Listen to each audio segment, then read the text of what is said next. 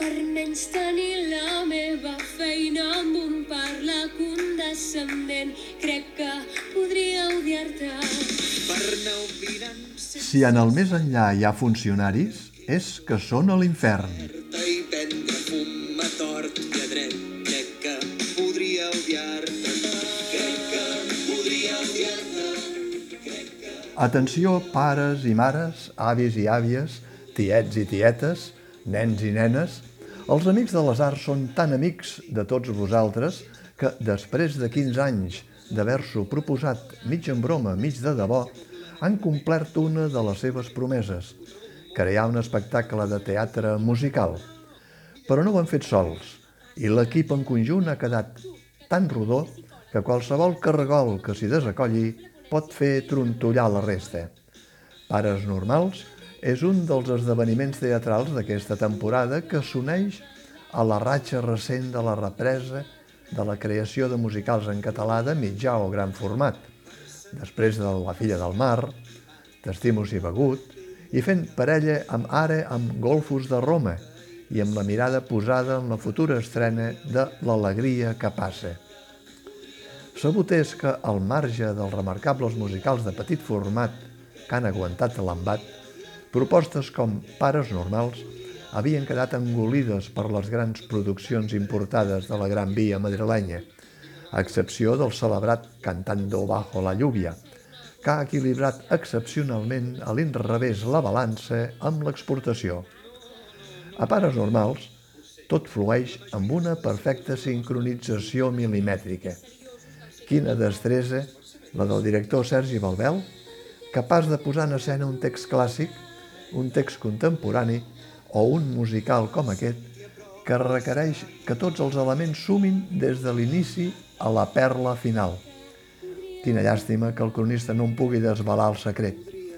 Només es pot dir que hi ha una cita inevitable per al públic teatral perquè es deixi emportar pels girs de guió de tot l'espectacle. Darrere hi ha la mà dramatúrgica de Marc Artigau, fins al bombó final, queda dit.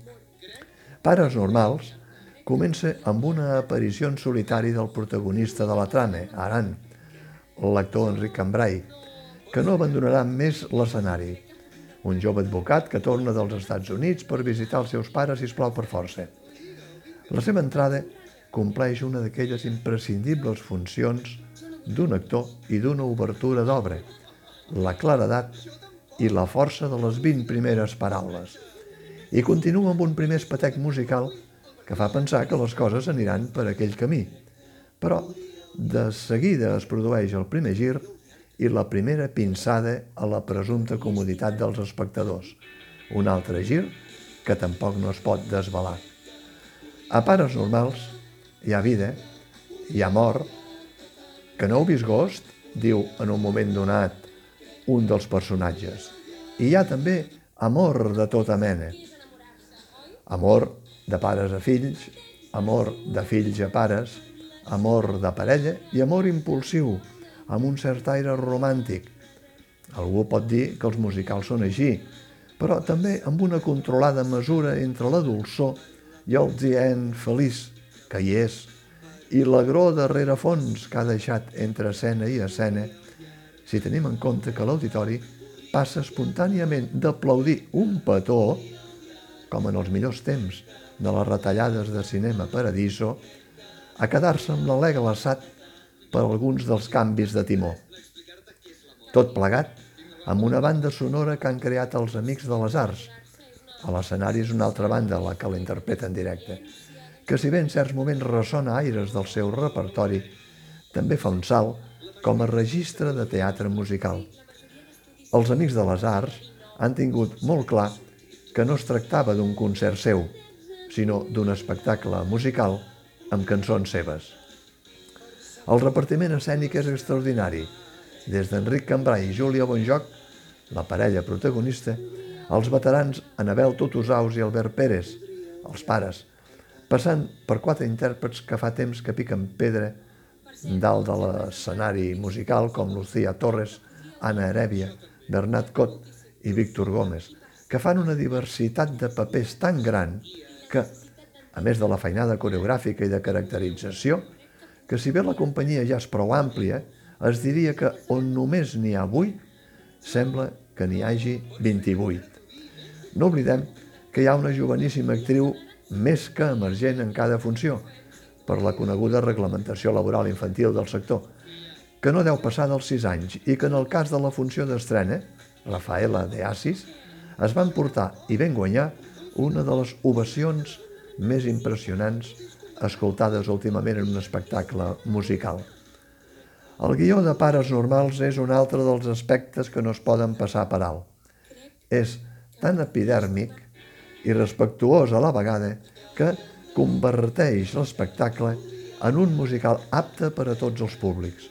Però no només això.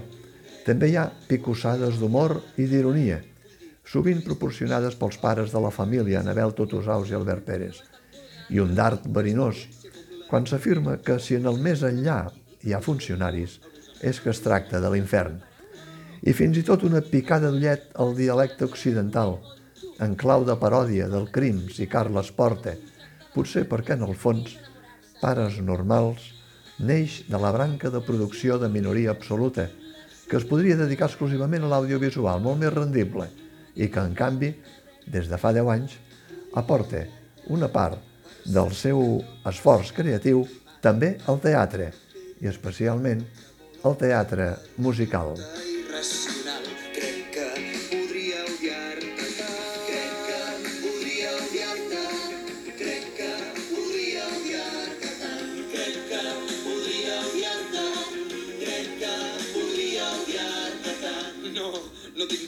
Interès en explicar-te què és l'amor. Cap ni un.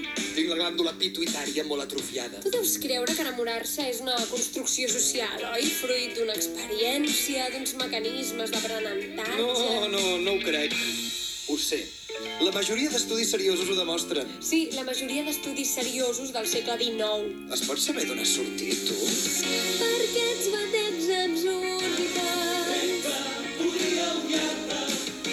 sentir a prop l'escatimat. Crec que podria odiar-te. Crec que podria odiar-te tant. Per cert, no ens hem presentat. Em dic Sofia. Salvador, Crec que podria odiar-te. jo també. Odiar-te moltíssim. Profundament. I per sempre. Més enllà de tot. De les idees. De les I teories. la necessitat d'entendre el món. Crec que podria odiar-te. Crec que podria odiar-te tant. Odiem-nos? Però només has de saber una cosa. Què? Jo no... Pots fer que encara t'odiï més? Crec que puc intentar-ho. A veure. I et semblarà absurd que t'ho digui ara i aquí, quan encara no sabem si tu... Digue-ho, vinga. El comraja, eh? Sofia. Jo... No vull tenir fills. Què? Jo tampoc. Portar un fill al món és un acte... Profundament narcisista. És, És condemnar-lo al buit, al vertigen. és un acte d'egoisme. Crec que podria odiar-te. Crec que podria odiar-te. Crec que podria estimar-te tant.